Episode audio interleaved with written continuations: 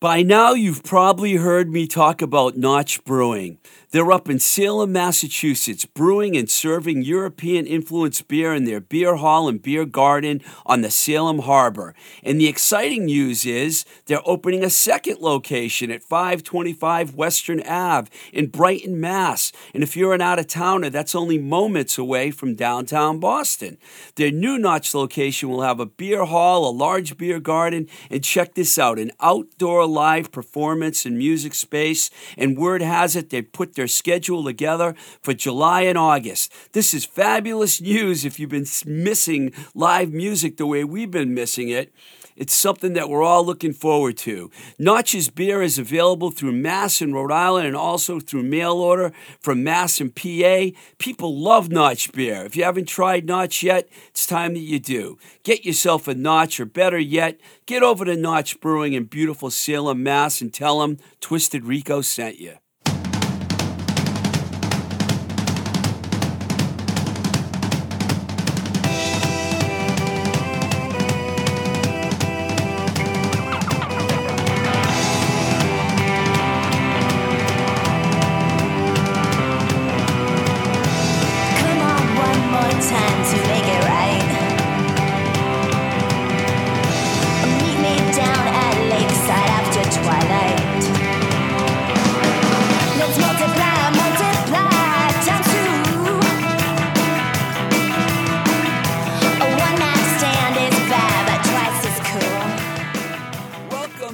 Blowing Smoke with Twisted Rico. I'm your host, Steve Ricardo. And if my voice sounds a little funny today, it's because I woke up in the middle of the night screaming in the middle of a nightmare. All right.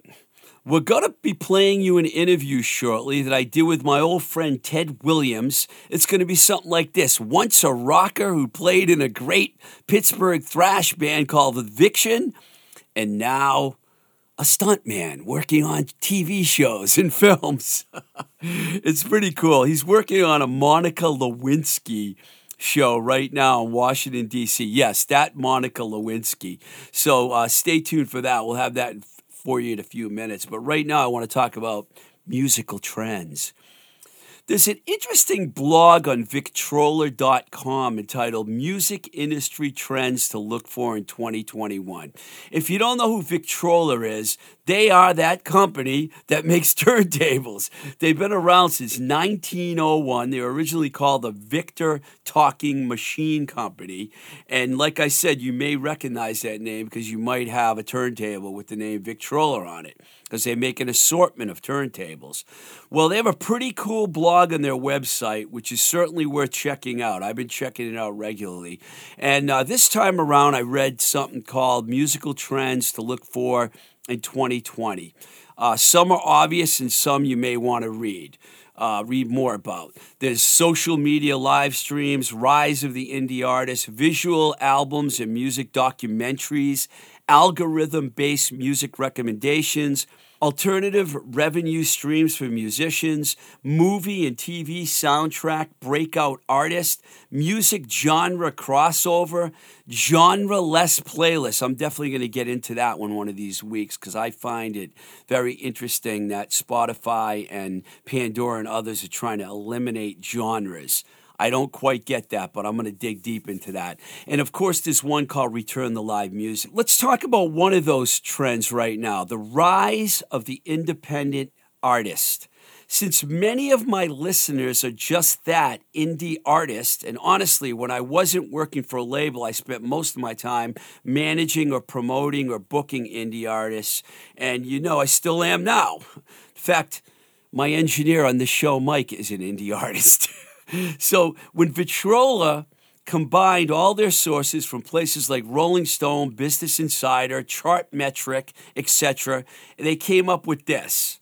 As a strategic way to ride the social media wave, independent artists are finding innovative ways to get in front of larger audiences through various channels.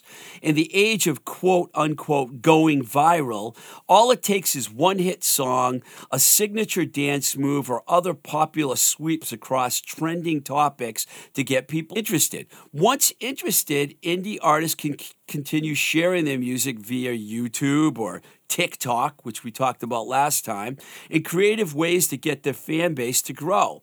It's like a two part endeavor getting people to watch and enticing people to stay.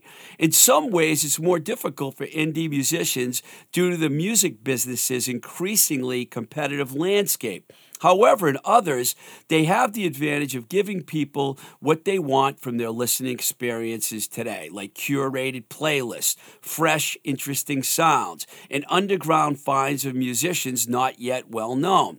It feels like a treasure stumbling upon a potential next great star, which makes listeners today feel like part of the discovery process, which in its own way has also shaped the global music market. This is a conversation I seem to have on a daily basis since most of my friends, like I mentioned, are indie artists. This is your time, my friends. If you're an indie artist, the world is your oyster. Or if you're allergic to shellfish, it could be your iced tea with extra lemon. And that, my friends, is your musical trend of the week. Before we play our interview with Ted Williams, Speaking of independent artists, let's get to the new single from Jeff Palmer. This one is called Many More Drugs it's really funny how this song came about because it's there's a funny story involved here. Many years ago, Mr. Palmer heard the song Manny, Moe, and Jack by the California punk band The Dickies and misheard it as Many More Drugs. He searched record stores looking for this song, Many More Drugs, and he never could find the song. And then one day he found out the real name of the song was Manny, Moe, and Jack, which, believe it or not, was a TV commercial. There was a TV commercial where they used that song in California in the 80s. I was living out there. I used to hear it all the time. Well, anyway, this is Jeff's interpretation, and it's a new song, actually, and it's called Many More Drugs.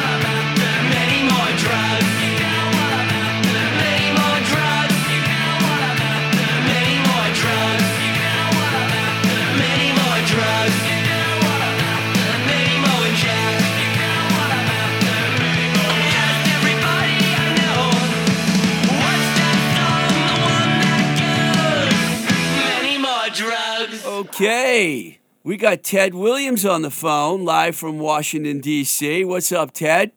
Howdy, howdy, howdy. I'm actually in, I'm actually in Richmond right now, but whatever. Oh, Richmond, Virginia. Oh, but you're working yeah. on a show in D.C., though, right? Yeah, I just we just finished it. Yeah, uh, on Saturday.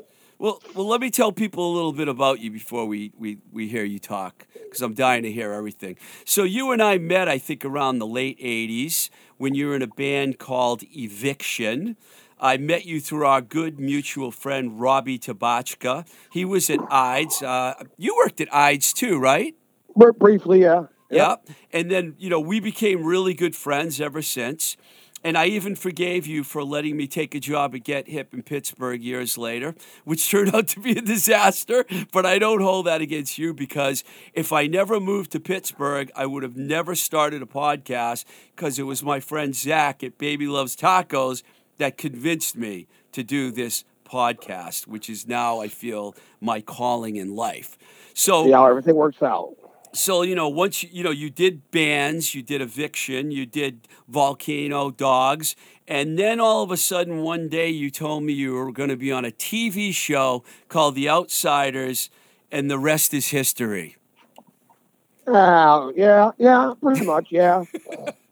so so how uh, you know if you want to talk about the old days and eviction we can Yeah, talk about that we start with that because i really enjoyed seeing the band and working with you guys when we when i signed you guys to metal blade records and uh, we hung every time i came to pittsburgh i hung out with you guys and we always raised some a good serious time, hell that's for sure.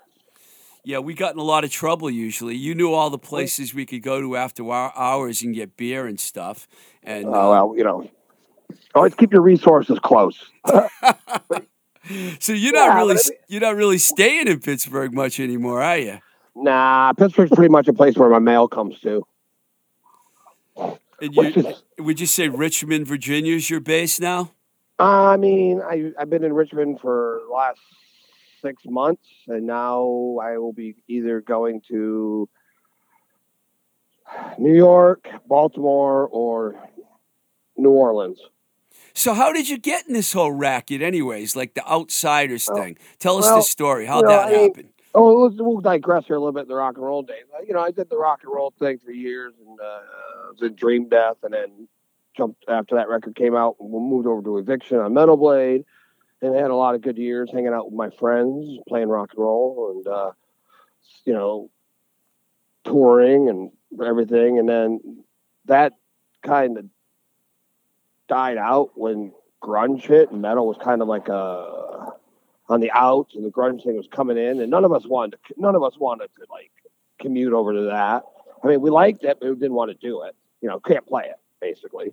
And then, um, uh, then I kind of semi-retired from music, and and uh, Robbie and I had done a band called Pilsner too on Get Hip, and then then I retired, had some kids, and was doing the art director thing in ad agencies, and then you know that's when you were bouncing around the country. I forgot and all then, about uh, that. You had any design that you were doing for a while. Yeah, I did it for many. You know, that was my that was my career, and then uh, I kind of got burned out. You know, uh, uh, probably mid two thousands, in the in the in the early teens. Uh, you know, 20, 2012, 2013. There, I was getting burned out. I I just I like design, I like graphic design, I like advertising, but I just felt. I needed a change. I didn't know I needed a change, but something was something was hitting me. And um, uh, Robbie and I and Rockhead from Eviction kind of reconvened and formed the band Volcano Dogs. But yet something was still missing. I now, you know, I got the kids were growing up, divorced, and I don't know. I saw. Volcano Dogs with, with you in the band a couple times. You guys were pretty good, man. Rocked Yeah, out. And that was, and that was, you know, that was going to be fun. I mean, that was going that kind of spun out of an ill-fated eviction uh, reunion, and uh, this kind of was all coinciding around the same time. So we had that go, which was nice. That was a nice little shot of en- creative energy because I hadn't played in quite a few years, and um, I got a phone call one day from this woman, uh, Chelsea Peterson, who said, "Hey." um, we saw your picture and we have this TV show that's going to be shooting here in Pittsburgh called The Outsiders for WGN. And we'd like to have you come down and take a look at you and blah, blah, blah. And I was like, huh? what? And they're like, yeah, come down to 31st Street Studios. It's down by the bridge. And, I, yeah, I know where that's at. So uh, I go down there and I'm thinking to myself, well, you know, whatever. Yeah. You know, what's it going to hurt? So I get down there and there's a bunch of people all waiting around like a big cattle call, people with long hair and beards and stuff. They were looking for a specific type. And the night kept going on and on. And uh, I wasn't getting, I, I wasn't moving. I was just sitting there, you know. And all these people, all these people were talking about what shows they've been on, what movies they've been on, and I'm just sitting here going, eh, I'm just happy to be here. so you, the reason why you were sitting there and people were noticing you because of your long hair and your beard is that what you're telling me? Yeah, so that was the look that they were looking for when they got to the, the show. They're trying to build the show around this. this you look like a hillbilly, basically. Kind of, yeah, kind of. So at the end of the night, I'm not the end of the night, but I go. I finally get in this room with like five other people, and the, all the producers are sitting there, director, assistant director, uh, writer, and then they um, they uh, they say, okay, took my picture, wrote my name down, said thank you. Won't be in touch. I was like, huh? All right, well that was cool. All right, whatever.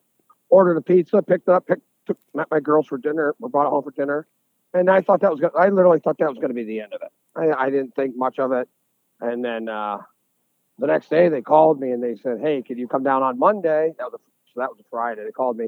Can you come down on Monday morning at ten o'clock for a wardrobe fitting? I said, what? and they're like, yeah, yeah, we want you to be on the show. Can you, you know, uh, do you have May, uh, the end of May to the beginning of September free? What? And that I, long? Like, yeah, it's 13 episodes, you know. And I was like, sure, why not? What else I got to do?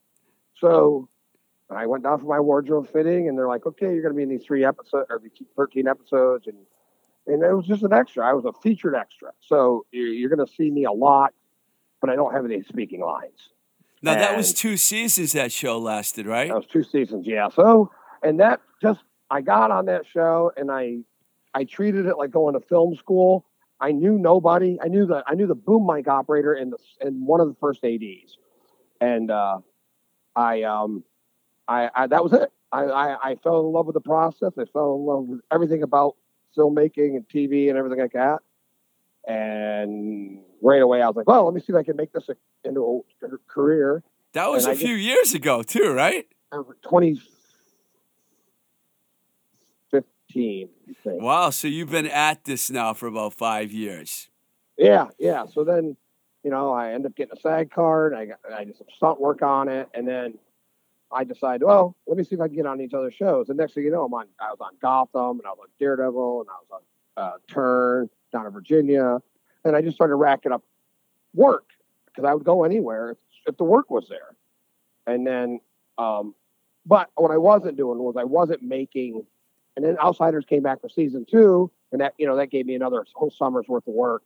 But then we got canceled. Season three got canceled, and so I was like, oh boy, well now what am I going to do? So I decided that I like the props department, I like the special effects department, I like the stunt department. So I said, well, let me start exploring all these things, and I jumped over to the crew side. So now when I'm not doing stuff in front of the camera, I do stuff behind the camera. You know, I work on the with the crew That's which awesome. is actually yeah, which is really really fun because uh, um, it's a you know it's a whole new uh, it's a whole new game so to speak. cool, man. So- Yeah, so I get to travel. You know, I mean, in 2019, I worked in I worked in nine different cities. You know, and sometimes you work on you know small TV shows that you know amount to nothing. You know, uh, for uh, they don't get canceled after one season, and sometimes you work on Bad Boys Three down in Miami. You know, I would have never in my life gone to Miami. I have no desire to go to Miami. you worked on working- Bad Boys 3? Yeah, Who's in that? Will Smith and uh, Martin Lawrence. Wow, that's cool. Did you get to meet those dudes? Oh yeah, yeah. It was, Wow. it was a lot of fun. That was a, it was a fun. Uh, uh, Will Smith's a very genuine, generous, kind man. Was not uh, I- the, the nice in the six eight weeks I was there. I never saw uh, uh, uh, the egotistical side of the man. I mean, he would stop on the street, sign autographs. He would stop his car coming out of the set at four o'clock in the morning, roll his window down to sign an autograph for somebody. Uh, I was I was amazed at how uh, considerate and uh, uh, you know um, outgoing he was to his fan base. it was nice to see somebody not being a jerk for a change. So saying that, I guess you've met a lot of movie stars that are jerks. Is that what you're Yeah, telling us? Yeah, I've, I've, I've, met, I've met a handful for sure. Yeah. You don't have to mention no, any names. We could just talk No, about the just- nice guys you met or the nice mean- ladies you met. Yeah, I mean, you know, usually it's we're all here for a reason. We're all trying to make it. Uh, uh, you know, some people can be a little bit prima, prima donna-ish. You know, when you when you uh, when one of them's an aspiring bass player and he wants to play bass on set more than he wants to act in the movie that he's starring in. It's it's, it's a little bit annoying, but I can't say who that person is. Um, but it, but- but it was Wait a minute. Are we talking about a bass player? Yeah, yeah, yeah. He wants to be. He's an aspiring bass player, and he brought his bass to set it every day, and he would play it acoustically, very badly, and you have you have to interrupt him to take him to film a scene. So he was doing this while he was waiting to do his scene. He was playing his acoustic bass. Yeah, it, yeah, not acoustic, an electric bass acoustically. Oh, okay. Now, as as a, as a bass player, and any bass player knows, there's nothing worse sounding than than an electric bass played acoustically. you ought to know, man. You've had a bass attached to yourself for many, many years. So, yeah, um, like what, it was like, hey, we're here to work. You're, you know, take your bass lessons at your, on your own time. So, what are some of the the best and fun shows like? Why don't we start with like the more successful shows that you worked on besides Bad Boys Three? You must have done some Netflix and things like that, right? Uh, yeah, I worked. Uh, I did a couple episodes of Daredevil for Netflix. Uh, you know, the Marvel show. Um, I did. I worked on two seasons of, of Gotham. You know, the pre-Batman Bruce Wayne Right. series for Fox. That was fun because I'm a huge Batman fan, so that was a big must for Who me. to played get on. Batman on that for people that haven't seen it like me? I, I forget the name of the kid. He's he's not Batman. He doesn't turn into Batman until the very last episode. Oh, Uh, it's like it's like everything leading up to him being Batman. So, um, and then there's um, then I'm trying to figure uh, Wonder Woman, the new Wonder Woman, Wonder Woman 1977? or 1984. Yeah, 84. You worked on that? Yeah, I did 21 days in DC on it. Oh, tell me that you met, um, I don't know if I'll say her name right, uh, Gil Gadot? Is that how you pronounce it? Uh, I really, I never really met her, but uh, Oh, come I on, her. man. I saw her every day. I'd be hanging around near a trailer and I'd get fired from the show probably after like, you know, a couple She um, she uh, she's another one. Very kind. You know, we were filming in Georgetown, in DC, and uh, it was uh, like three o'clock in the morning, and it was absolutely sweltering. It was right around this time. It was it was mid July. I mean, it was just it was horrible. Uh, I was a precision driver, so I was driving cars in the scene. You know, trying not to you know you, you hire precision driver so you don't hit pedestrians and camera crew and all this stuff. And and I just sit in my I think I had like a '83 uh, blue LeBaron or something, some '80s car. We're, you know, we weren't allowed to turn the air conditioning on because uh, the you know would die. And uh, there was this group of girls across the street. You know. 12, 13 of them, 14 of them maybe, and they all had Wonder Woman shirts on, and they were all watching her, uh, watching us film, and uh, she's walking across the street.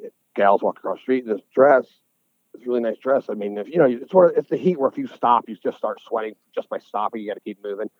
She stopped. She lifted her finger at the director, like, "Hey, give me a minute." Turned around, walked over to that curb. It was like three in the morning. Walked over to that curb, took pictures with all those girls, signed all the autographs, and then she went back to filming. That's cool. like, that's she sounds cool. Yeah. that's a class act. You know, Yeah. Michael B. Jordan did Michael B. Jordan did the same thing on a show I did in DC two years ago. You know, he stopped filming, saw everybody. He's like, "Look, guys, I gotta, you know what? I gotta do this." Walked across the street, took selfies with everybody, thanked everybody, and then went back to work. I'm like, again, class act. You know, you didn't have to do that. He certainly, there's no reason to have to do it. But you know what? That's your fan base, and you better make sure that you're taking care of them. Wow. So you have good stories and probably a lot of dirt, which you won't talk about on Well, other I mean, actors. yeah, I mean, there's yeah, there's there's you know, there's there's assholes in every every business, you know, whether it's music or TV or movies or whatever. There's But, you assholes know, in music? Yeah, I know. I mean, not not you and I, but you know, there's others. um, did you work? Did you tell me that you met? You worked with Michael Keaton on something? What's that? I just yeah, I just worked with Michael Keaton. Yeah, I did a scene with him. He he seems like he'd be a cool guy. Plus, he's a Pittsburgh dude, right? He's a Pittsburgh dude. Yeah, yeah. Did yeah. you did you get to tell him that you're from Pittsburgh? Well, I know you're not originally from Pittsburgh, but you lived there most of your adult life. So I Oh no, yeah. When I did the scene, because he was looking at me like, because he had seen me, he had seen me around, he had seen me around the set, you know, all, all the time because I was on the crew, but I was doing stunt work that day. I was doing this with him, and then he was like looking at me like, "Wait a minute, aren't you a crew guy? What are you doing?" And I was like, oh, "Well, I also do this too." And then he, I pulled my mask out. He goes, "Oh, you're from Pittsburgh. You're the Pittsburgh." guy." I'm like, "Yeah, yeah." He's like, "There's a few of you guys on this show." I'm like, "Yeah," because there was like five of us on the show in Virginia that were from Pittsburgh. So he was like, "Oh, the bird." Wow, that's something I wanted to ask you about. Good segue. So you did some shooting during the pandemic. What the hell was that like? Well, uh, yeah, I, I worked on. Well, as of this week, I worked on four shows during the pandemic. Um, it's hard. Uh, it's all new set of rules. You have to obey the rules. Um, you know, you wear a mask, you wear a face shield, you um, are always constantly you know, sanitizing. Even if you're even if you're vaccinated, you must wear a face shield. In, in Is a- that still going on now? yeah, yeah, yeah. I mean, the show we just finished. I just did uh, four days in DC on a second unit for American Crime Story, and uh, yeah, even if you're only vaccinated, you must wear a face shield and a mask the entire time. Wow. Okay, um, you see, America Crime Story. Is this the Monica Lewinsky thing you told me about Yeah. on the phone? Yeah, God, you got to tell us a little about that. What, I what's the, can't say I can't say anything more than that. I signed a discla- you know, a non-disclosure, but yeah. oh man, can you tell us who played Bill Clinton? Uh, Clive Owen. Clive Owen plays Bill Yeah. Clinton. That's cool. Well, and Yeah, who plays Monica? Ah, I forget her name. Sarah Paulson plays uh, uh, Linda Tripp. Tripp. Yeah. Oh, And then Edie Falco from The Sopranos plays uh, Hillary. Edie Falco plays Hillary Clinton. That sounds pretty cool. So you Yeah. shot that right around the White House, right? Yeah, we shot the White House. We shot the Watergate. Actually, we actually shot at the Watergate, and people were there, there were people there that were telling us stories that lived there when it happened and how that the, you know, like, wow, this looks exactly like it did when it happened. I'm like, oh, that's great. It was uh, it was it was uh, it wasn't one of my favorite gigs. I have a lot of favorite gigs. This was not one of those. This one this one tested my tested my patience. Have you already mentioned your most favorite gig? Like, I don't, you know, my most favorite gig, probably hands down across the board. I have so many. I mean, I have a lot of fun times. Like, I loved working on Wonder Woman. I loved everything about that show. It was so much fun. It was so much to learn. It was a big production, the biggest thing I've ever worked on. Superheroes. I mean, it was great. It was great. Were the movie was not good. But the Yeah, I was was going to say, were you surprised that it got such horrible reviews? you know, I, I watch it going, oh, man, how can that such a great experience and have such a horrible outcome? But you know, that's the chance you take. You know, once not in my hands. You know, I love your But, uh, honesty, man. I love your honesty. uh, good the Good Lord Bird that I shot down here in Richmond in 2019. I think probably my my all time favorite filming experience. I mean, across the board, it was the the best crew. Uh, uh, the location was fantastic. It was hard. It was a very hard show um, to do. It was a hard subject matter to do.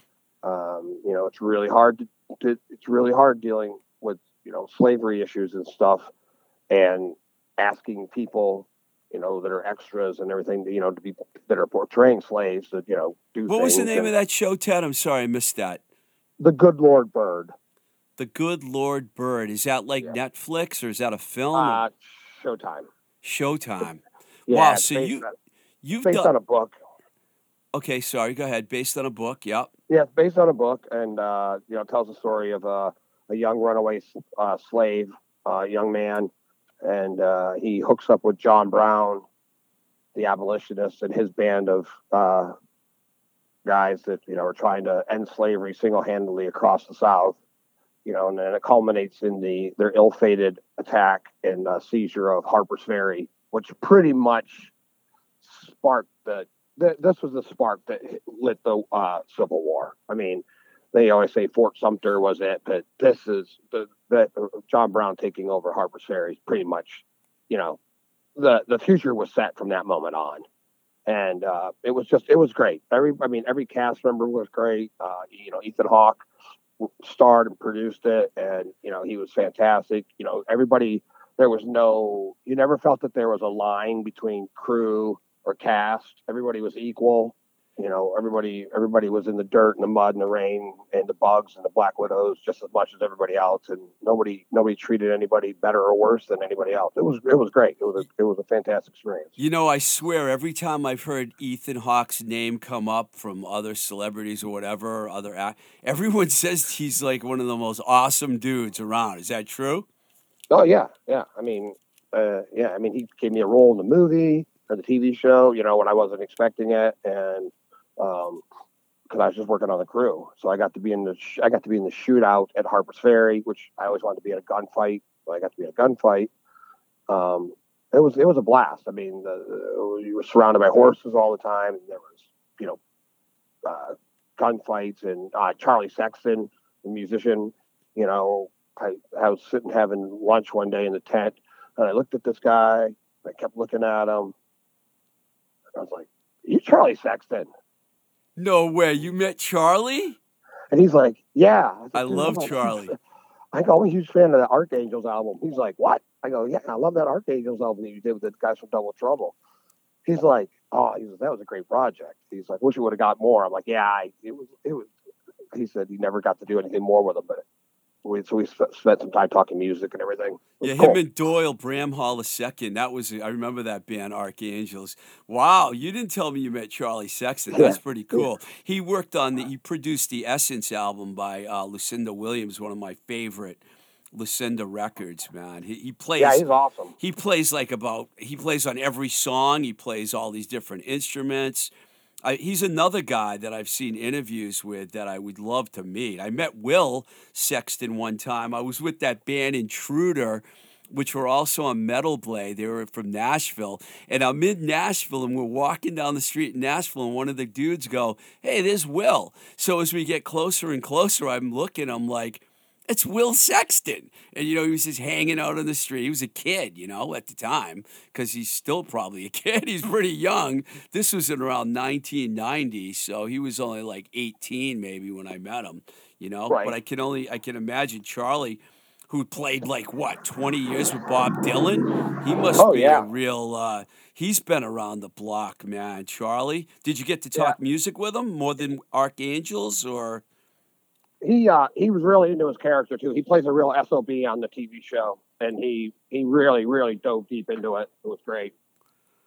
Wow, that's really cool. So you've met a lot of people, man. That's awesome, Ted, man. I'm happy for you. Yeah. you. Definitely. It's been a it's definitely been one of my favorite things. You know, it's definitely been a life changing career course, and I tell you what, I've enjoyed every minute of it.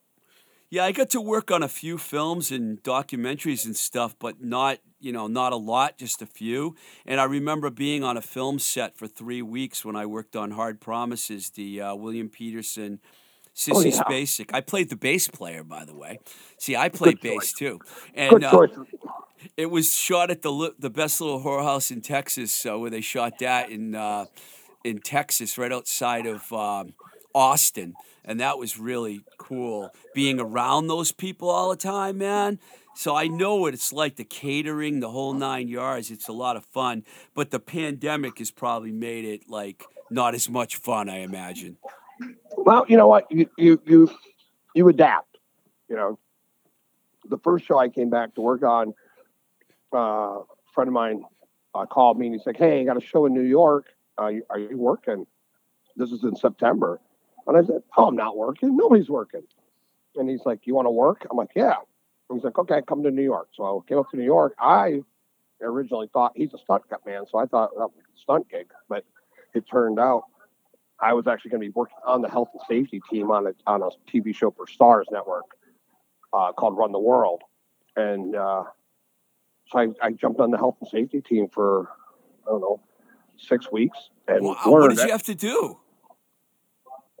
Patrol the set, making sure you know took people's temperatures, uh, did wellness wellness checks on them, made sure everybody had you know face masks and, and uh, goggles, and uh, uh, you know weren't touching things, weren't standing you know six feet apart, and just it was it was a great learning experience, and it was a good way to come back into into into film business before everything else started to get back to normal. Was everybody cool about that stuff on the set? No, No. No. I knew you were going to say that.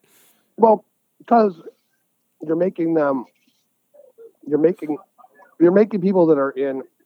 We're we're all creatures of habit, you know, and nobody likes to be told that they have to do something, and especially if it's if it if, if you have to take your your your your uh, your face shield fogs up because it's humid out or whatever, and you take it off to see better, and then some guy comes along and says, "Hey, put your face shield on." It's it's annoying, but then you know you stop, you hit a reset, and you go, wait a minute. If I don't wear the face shield, I don't work.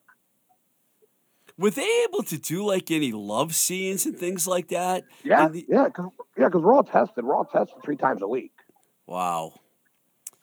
Wow. so you can do that. You know, Yeah. I mean, because you're tested, and everybody's quarantined, and everybody's in these little pods, and you're all separated, and um, you know, uh, the show that I just finished here um, for Hulu called Dopesick about the opioid crisis with with Keaton, when Keaton's on. You know, we shot 103 days, 103 days on this series, and we only were shut down. We only shut down one single day Because there were positive cases? because of false positive. We didn't know it was false at the time. We shut down for one day. We were this. We are were, and I think we still are, the safest show in the Disney network right now at this point in time. Other shows, but you know, other shows were shut down for two weeks, shut down for a week, shut down for three days, come back, shut down. Not us. We we never shut down except for that one day. Man, you have worked for like every channel. Oh yeah. Oh my Yeah. God. That is fantastic. Uh, how about if we talk about music a little bit, man? Yeah. Um, you know, I, I, I, if you don't want to talk about this, you don't have to. But, I don't uh, talk about anything. You know me. I don't care. Well, you know, I know Eviction. There's a little controversy because it was this was supposed to be a reunion gig with the band, and arguably one of the biggest bands ever to come out of Pittsburgh because the band's huge there. Now, originally, I guess you were going to take part in the reunion, but now I guess you're not going to be part of the reunion. Are you No, okay with Are you okay with those guys or what? Yeah. I mean, you know what? We've, uh, you know, we've been together since our early 20s and, you know, we've struggled and bled together and puked together and played together. And, you know, we seem to be on this always, we, we, we always seem to be on a pendulum where uh, one of us is mad at the others or something for a little bit, and then it swings back and then somebody's mad. It's typical band dynamics, you know and um, and am I upset how some of the things unfolded? Yeah, yeah, I am. And I'm not gonna I'm not gonna lie about that. But I also made the choice that had that I made a choice to continue my working in the film business, and I couldn't take time off to rehearse, so they replaced me, which is you know that's what they had to do, and this is what I had to do. Um, would I take a bullet for him? Sure. And, you know, no matter how upset we all, I think all of us are. I think all of us would agree in the band, Rob, especially Robbie Todd and myself, that we would always, you know, you, you could be mad at we, we could be mad at one of us could be mad at the other two or whatever, but when push come to shove, we'd be the first ones to defend that person if we had to. You know, I Well, mean, you and Robbie, you and Robbie have been best friends for like a long time. And the same with Todd. You know, we've been brothers in arms, and and uh, you know, I could not speak. You know, we could not be on speaking terms for a year, but at the same time, first time I see him, you know, I hug him. You know, I, I it, it, we're- we're too old and it's too old to hold grudges and be bit pissy about stupid stuff. I'm. I did want to play the reunion. I wholeheartedly wanted to play the reunion with with uh, for every ounce of my being, but uh, the sacrifice of me having to pass up on maybe a dream job that was literally knocking at the door that would have happened had not uh, COVID had hit. Um, forced me to make a, a, a decision, and I was like, that show would have taken me probably to uh, New Mexico in right around the time the reunion was going to happen. And what am I supposed to do? Am I supposed to turn down a dream job uh, for you know six months, uh, or, or or play one sh- reunion show? And, and I had to make that. I had to make a difficult choice, and the choice was going to be the work. This is what I do now. I mean, I'm not 27 years old anymore.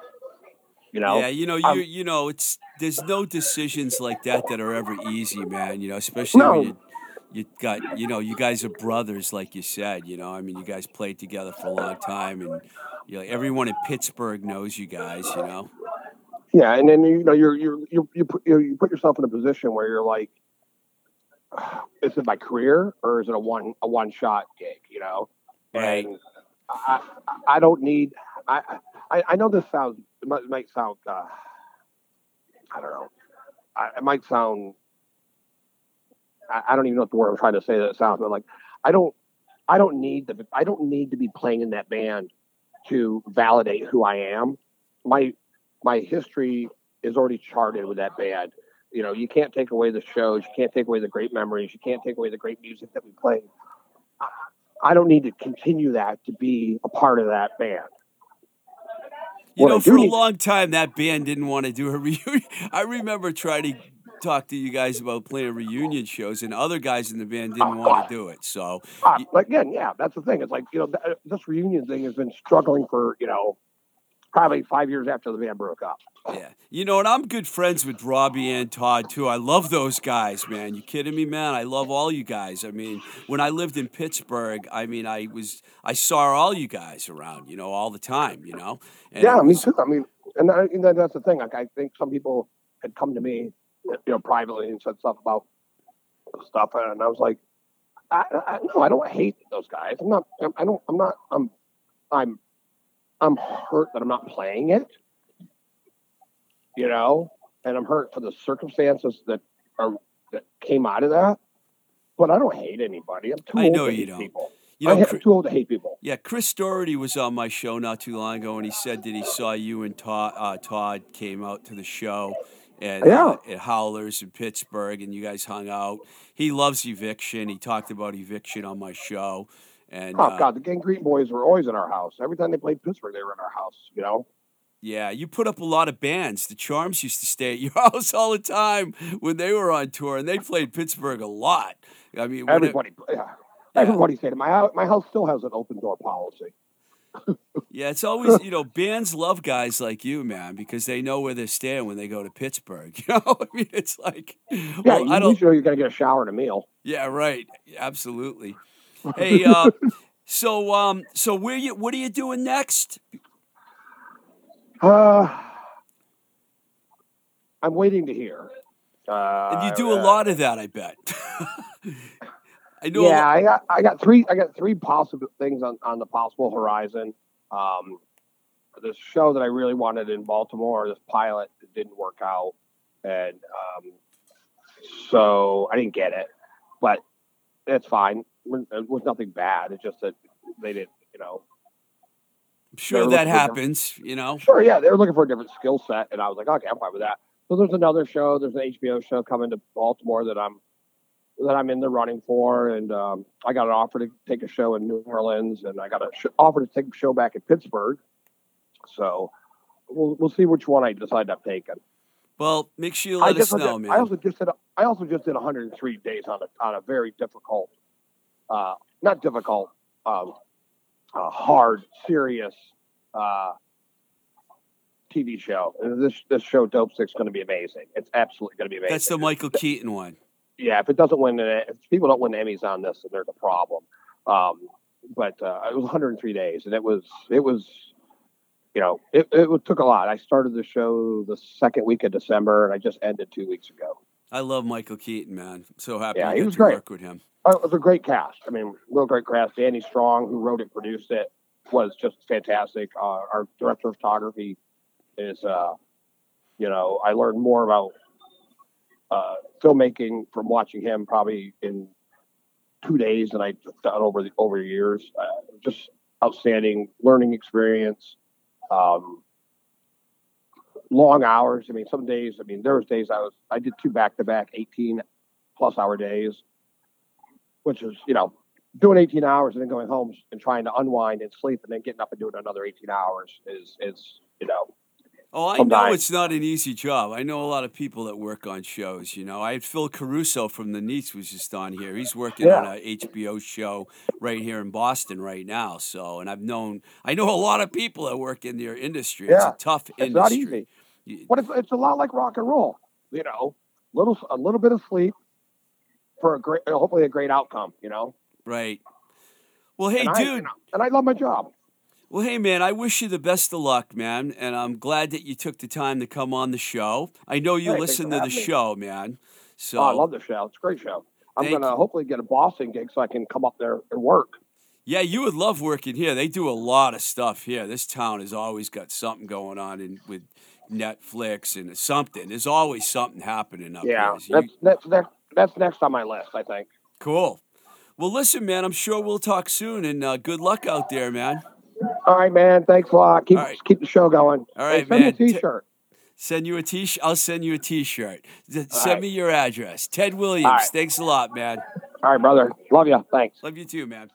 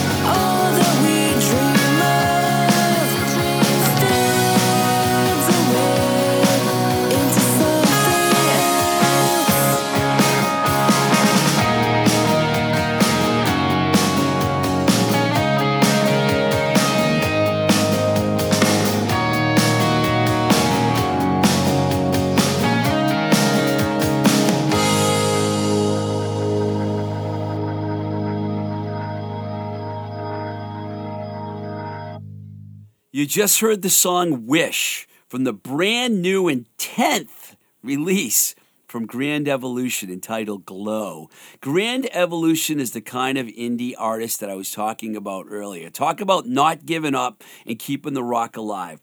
They have made 10 albums since they formed in the early 2000s.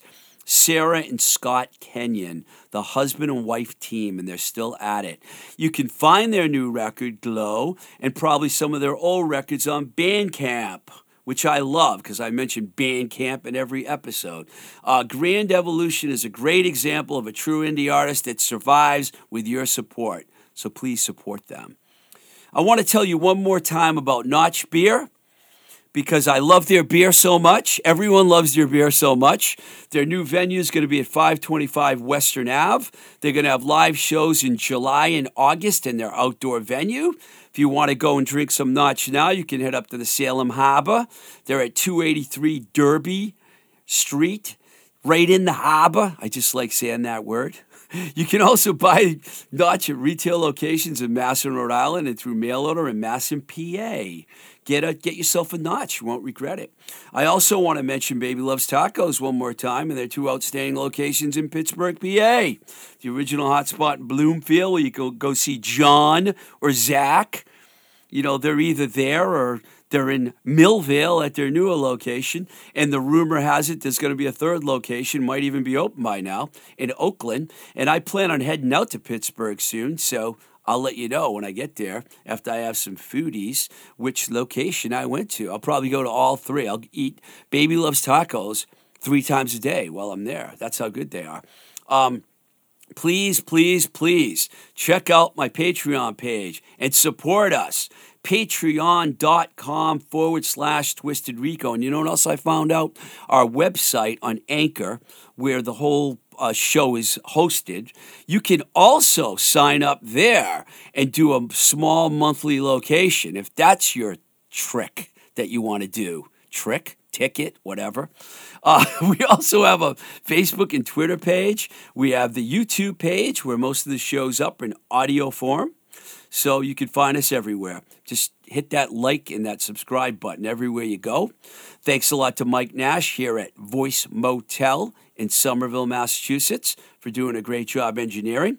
He also engineers another show I'm on called Seems to Me with Sibylline Seriano, who I love dearly. Listen to our show. We have a very funny show. We're not trying to be comedians, but I realized that we're very funny. At least people tell us that we're funny.